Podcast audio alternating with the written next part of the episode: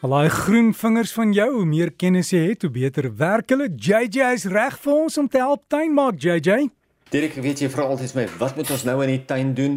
Maar ek het vreeslik baie navrae gehad hierdie week oor die verskillende kunsmisse, oor watter kunsmisse mens waar moet gebruik en ook of vloeibare plantvoedsel beter is as koolkunsmis. Ek wil afskop om te sê ons is baie gelukkig dat die sakke deesdae so beskrywend is Maar in dieselfde asem, dit wat op die sak staan is nie noodwendig die enigste plante waarop dit gebruik kan word nie. Byvoorbeeld, as die sak sê grasperke, kan dit ook op ander loofplante gebruik word en as 'n sak byvoorbeeld rose op die buitekant het, dan kan dit ook op ander blomplante gebruik word en sal dit help om meer blomme te vorm.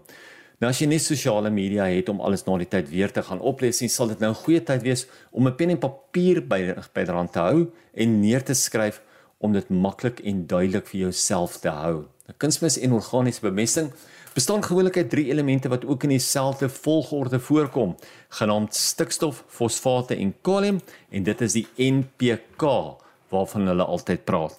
Soos ek gesê het, hulle kom altyd in dieselfde volgorde voor. So as jy byvoorbeeld 'n sak 815 koop, is dit gewoonlik 8 dele stikstof, 1 deel fosfate en 5 dele kalium.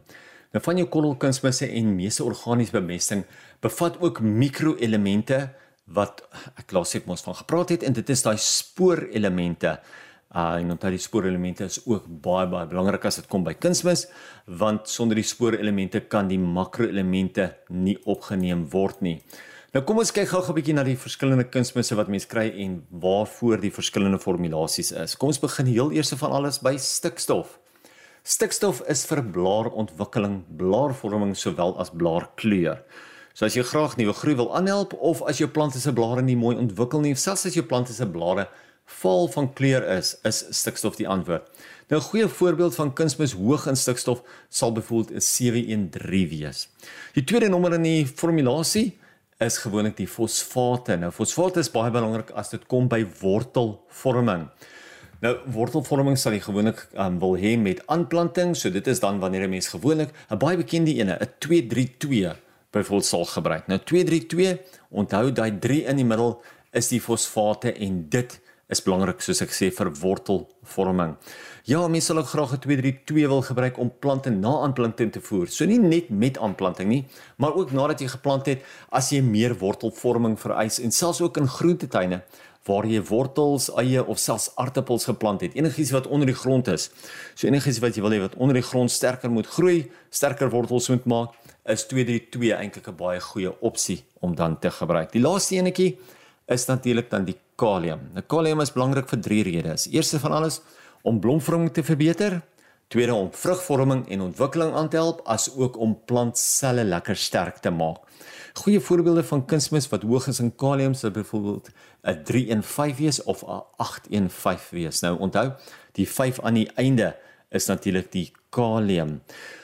Nou agter die drie nommers is daar gewoonlik 'n nommer wat in hakkies voorkom en die nommer is gewoonlik die persentasie kunsmis in die sak. Nou, die hele sak kan nie net uit NPK bestaan nie. Die hele sak kan nie net uit stikstof, fosfaat en kalium bestaan nie want dit sal onmiddellik oplos en onmiddellik in die grond loog en jou plante se wortels in die japtrap brand.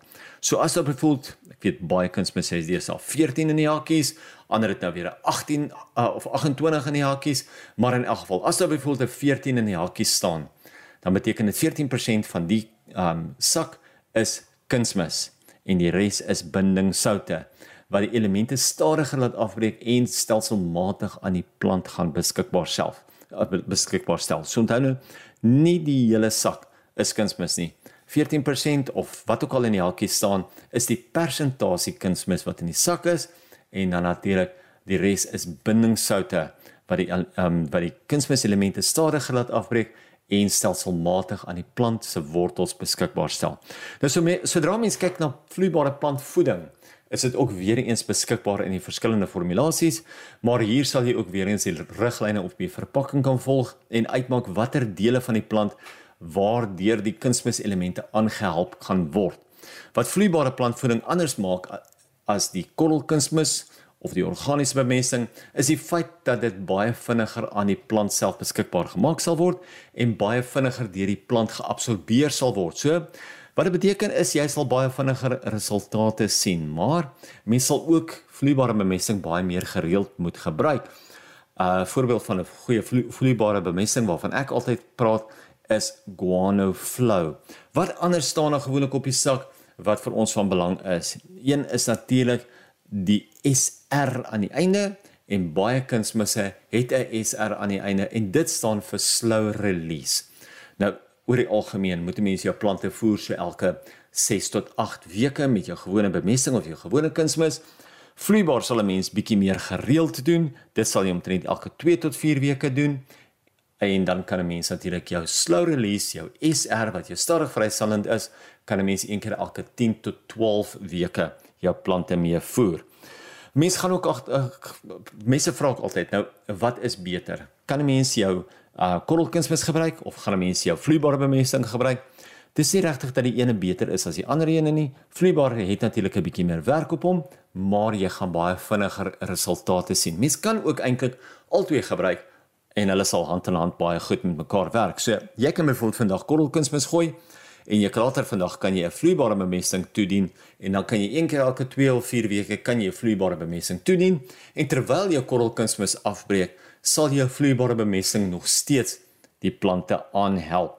So, wat vir my altyd net belangrik is, is om dit gereeld te doen. Mense wil nie noodwendig hê dat mense eintlik vir 'n paar maande heeltemal van jou kunsmis vergeet nie, want dan is dit so amper asof jou plante lekker sterk groei uit uh wat kan 'n mens sê uit petrol uitraak of uit kunsmis uitraak en dan skielik gaan hulle begin stadiger groei of nie meer so mooi ontwikkel nie en hulle gaan stil staan. So ja, probeer maar net om altyd te hou by die reëls om dit so gereeld as moontlik te doen. Ons plan van die week vir hierdie week is weer eens een van die nuwe Agapanthus variëteite. Nou ek het al van hierdie spesifieke een gepraat en dit is die Agapanthus Midnight Sky. Die lekker ding met die nuwe Agapanthus variëteite en veral die een is dat hulle 'n baie langer blomperiode het en aanhoudend nuwe blomme kan uitstoot. Nou baie Agapanthusse blom vir jou net in die lente en dan is die res van die jaar is daar so net klomp blare, maar al die nuwe variëteite en veral die Midnight Sky gaan vir jou baie langer en meer aanhoudend nuwe blomme kan uitstoot gedurende jou warmer maande. Die donker persblou blomme is so net onder 'n meter hoog en is op lekker lang stele. Hy's mal oor die volson en hy is ook lekker gehard. Nou, hy's ideaal vir potte. Hy kan in beddings groei as 'n filler plant. Um hy kan as groot beddings net agapanthus wees. As eintlik 'n ongelooflike lekker filler plant en natuurlik een van ons inheemse wenners wat ons in Suid-Afrika het. Nou hierdie agapanthus is ook een wat nie maklik siektes kry nie baie van die agapanthus variëteite kry siektes, maar hierdie netjie is baie gehard. Hy kry nie maklik siektes nie. So as jy 'n lekker splinternuwe donker persblou agapanthus wil hê, gaan vra 'n bietjie by die kwekery vir die agapanthus Midnight Sky. Ja, ja, ek het daai nou die dag gesien in 'n kwekery. Iemand het ook in 'n pot geplant by hulle huis en dit lyk amper swart. So as jy die foto wil kry, gaan kyk op JJ se uh, Facebookblad Gardens by JJ en as jy die foto daar sien, gaan kwekery toe en as hulle het nie moet asseblief vir jou bestel en dan kan jy lekker tuin maak.